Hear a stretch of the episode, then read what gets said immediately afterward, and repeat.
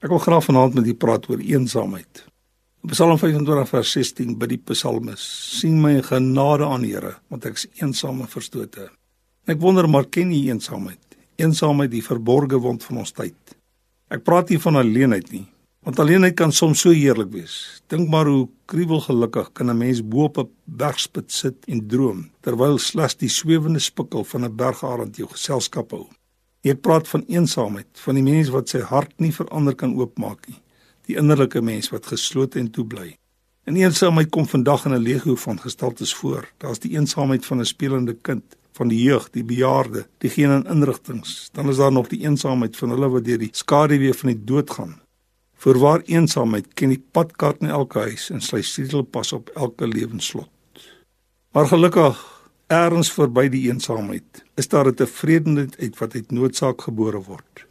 Viktor Frankl het gereeds gesê die lewe het betekenis onder alle omstandighede.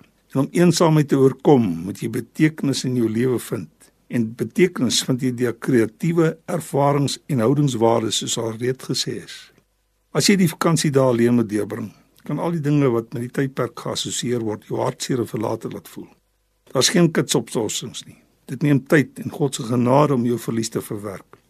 Maar dalk kan die volgende vir jou tot hulp wees. Kom ons volg Frankel se raad. Eerstens, wees kreatief.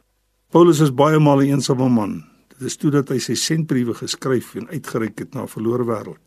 Dit is belangrik dat jy ook besig moet wees. Tweedens, vind betekenis deur jou ervaringswaardes. Diep in die gevangenis het Paulus God se teenwoordigheid en wonderwerke ervaar. So moet jy ook alles wat mooi is om jou ervaar en dat God jou uniek gemaak het. Die lewe is vol verrassings. Derdens is daar ook houdingswaardes. As jy niks anders kan verander nie, kan jy jou houding verander. Moenie onrealisties wees en meen dat alle ander mense 'n wonderlike vakansieseisoen geniet terwyl jy alleen sukkel nie. Oorleef jou onrealistiese eise. Paulus het op 'n dag toegelaat dat Jesus hom vir die koninkryk van God arresteer. Hy het toegelaat dat Jesus hom arresteer uit sy hart spreekwoordelik laat oopbreek vir die hart van God. Verander jou houding teenoor God, teenoor Kersfees en jou wêreld en sien hoe dat jou eensaamheid verdwyn.